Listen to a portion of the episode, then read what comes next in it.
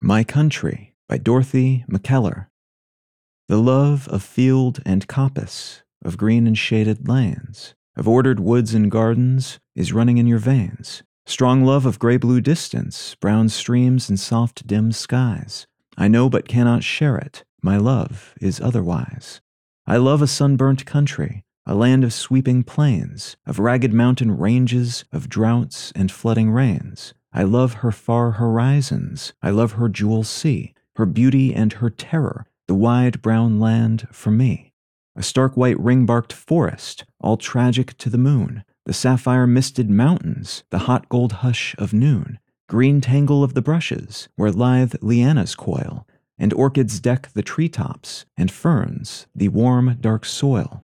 Core of my heart, my country, her pitiless blue sky, when sick at heart around us we see the cattle die. But then the gray clouds gather, and we can bless again the drumming of an army, the steady, soaking rain.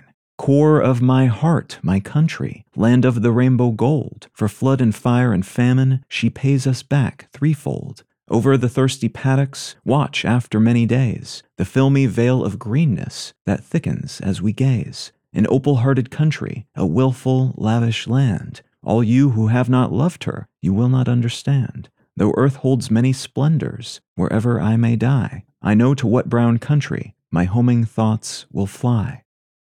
My Country by Dorothy Mackellar.